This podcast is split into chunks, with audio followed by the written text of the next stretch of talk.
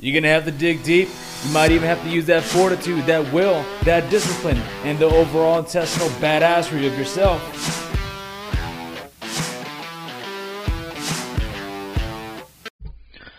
Hey, hey, folks, is Rico on the radio, and I'm back. All right, guys, so it's, it's April 29th, uh, 2021.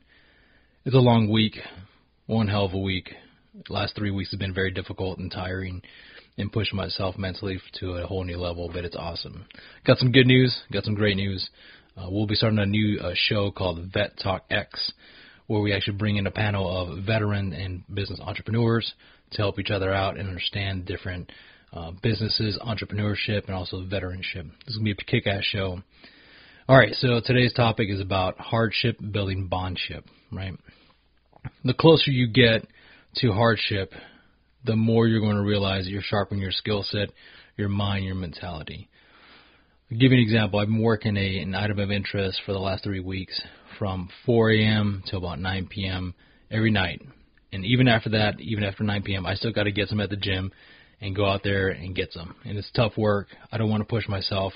I'm tired and I'm beat. And then I have my household duties as well.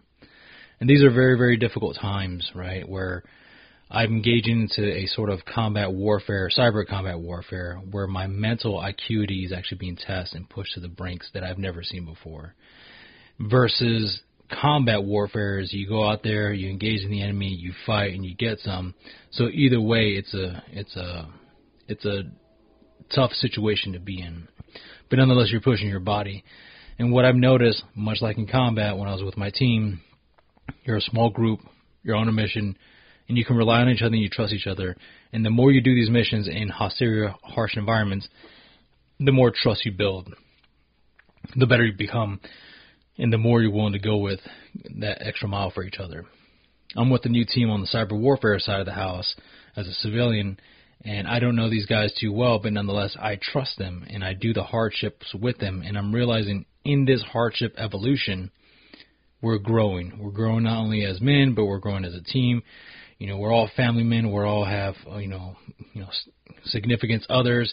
We all have, uh, you know, obligations outside of incident response. And I'm realizing the more we can pressurize ourselves and to make ourselves do more hard things during the cyber warfare and try to get ahead of our enemy, our attacker, the more we're starting to trust each other. I know I can trust. Uh, I'm gonna call him J Town to go square away some stuff versus D Town to go square away some stuff. You know, the team comes together and we actually have to put our egos aside and say, okay, can I can I trust what Rico's going to say is lead us in the right direction? Check, good to go. Now that we know that, we can be under pressure together and operate at a high up tempo level. Sure, there's going to be moments where people are going to call you out. Yeah, your, if your team is not calling you out and saying, "Hey, you need to square away X, Y, and Z, Rico," then you know your, your team is not doing you justice, and vice versa. You as a leader should be calling your team out and saying, "Hey, this is what needs to be done. Go square it away."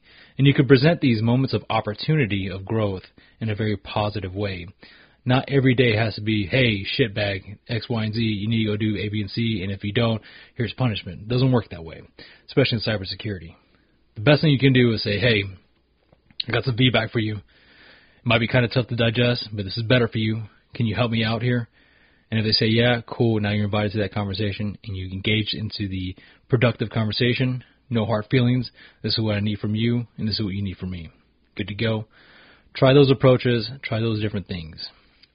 So I'll close with this. The call to action on this one is if you have a small team, such as a family, a wife, child, family, a unit, the more hardship you put yourself through with them, the closer the bond is. Try that and thanks for your time. It's Rico on the radio. Out.